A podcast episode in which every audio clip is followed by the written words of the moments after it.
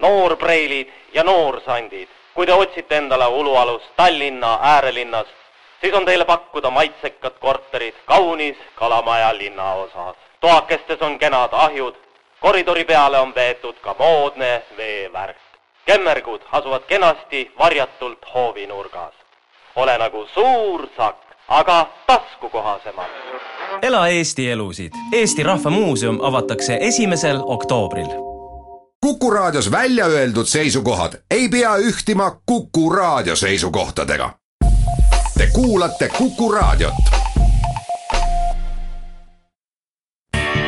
eurominutid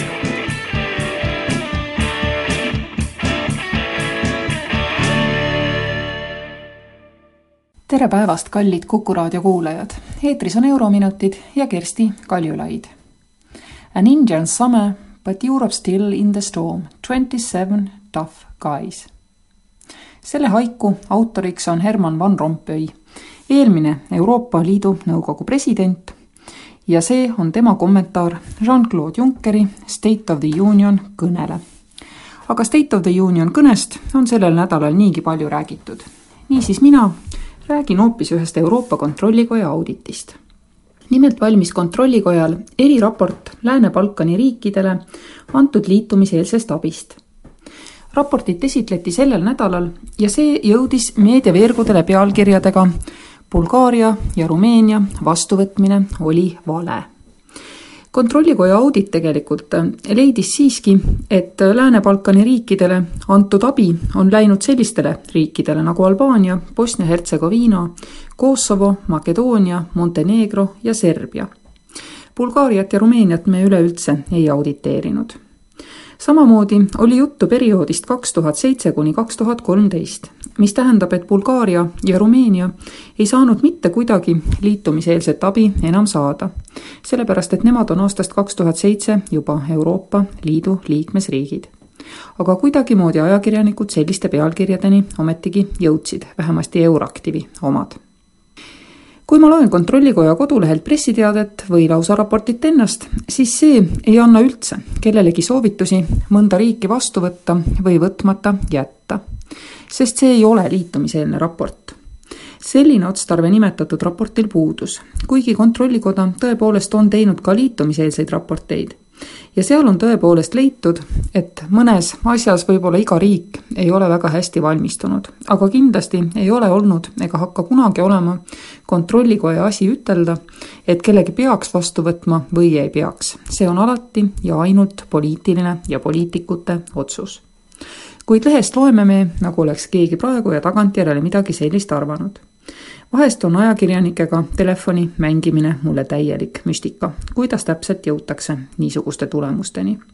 muidugi, Euroopas on laialt levinud arvamus, et need kaks riiki ei olnud veel piisavalt madala korruptsioonitasemega ja täielikult formeerunud õigusriigid. ja seega oli nende vastuvõtmine ehk omal ajal tõepoolest avansiline aga Kontrollikoja selle nädalal ilmunud raporti põhiline ja kõige huvitavam leid oli hoopiski see, et komisjon pihustab oma abi liialt ega keskendu sellele, mis on tegelikult kõige tähtsam nendele riikidele, kes tõesti kunagi tahavad Euroopa Liitu saada. Need kõige tähtsamad asjad on õigusriigi arendamine ja võitlus korruptsiooni, organiseeritud kuritegevusega ning meediavabaduse eest. põhiline põhjus miks Euroopa Komisjon sattus raskustesse raha suunamisega selliste oluliste pealkirjadega projektide alal, seisnes asjaolus, et programmis osalevad riigid lihtsalt ei esitanud sellelaadilisi projekte. komisjon omalt poolt aga leppis, et riigid tegid seda, mis neile sobis ja mida nemad teha tahtsid. Ega suutnud ületada poliitilise tahte puudumist, tegelemaks tõsiselt õigusriigi ülesehitamise küsimustega ses mõttes on audit muidugi igav, et me saame teada, kuidas komisjon täpselt projektide rahakasutust kontrollis ja riikide üle järelevalvet teostas. aga me ei saa liiga palju teada, kuidas on ja kas üldse on poliitiliselt püütud ületada neid probleeme, et abisaajad riigid ei taha ravida oma ühiskonna ebademokraatlikke kitsaskohti auditi eest Euroopa Kontrollikojas vastutas küll pika parlamentaarse kogemusega Ungari kolleeg Zabols Fasakas, aga tegemist ei olnud siiski poliitika auditiga, vaid ikkagi raha kasutamise auditiga. paremini on läinud projektidega, mis on tegelenud Lääne-Balkani riikide administratiivse suutlikkuse ülesehitamisega. aga siin on tegelikult väga terav küsimus. kas me ikkagi tahame suurendada administratiivset suutlikkust ebademokraatlikes režiimides, kes on hädas just nimelt demokraatia ülesehitamisega, õigusriigi arendamisega me vist tegelikult seda ei tahaks, sest kui kellelgi on näiteks kalduvus meediavabadust piirata, siis administratiivselt suutlikum riik saab sellega ju paremini hakkama kui selline, kus valitseb alles riikide sünniperioodidele omane totaalne administratiivne kaos niisiis võib isegi kriitilisemalt suhtuda asjaolusse, et komisjon ei ole piisavalt nõudlik rahastatavate tegevuste kvaliteedi suhtes ja rahastab lihtsalt ära need, mis on kokku lepitavad.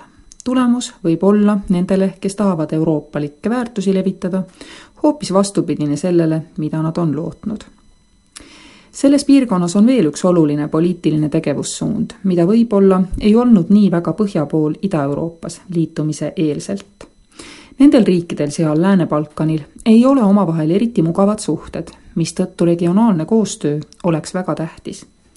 Euroopa Liit on olnud valmis sellesse panustama, kuid Regionaalne Koostöönõukogu, mille kaudu seda on teha püütud, on täiesti mittetoimiv. ja taaskord, see nõukogu ei suutnud edendada koostööd õigusriigi arendamiseks, kuid saavutas mõningast edu administratiivse suutlikkuse tugevdamise vallas tehtud koostööga kontrollikoda soovitab mitte rahastada nii-öelda kättesaadavaid projekte, vaid luua eesmärkidest pingerida.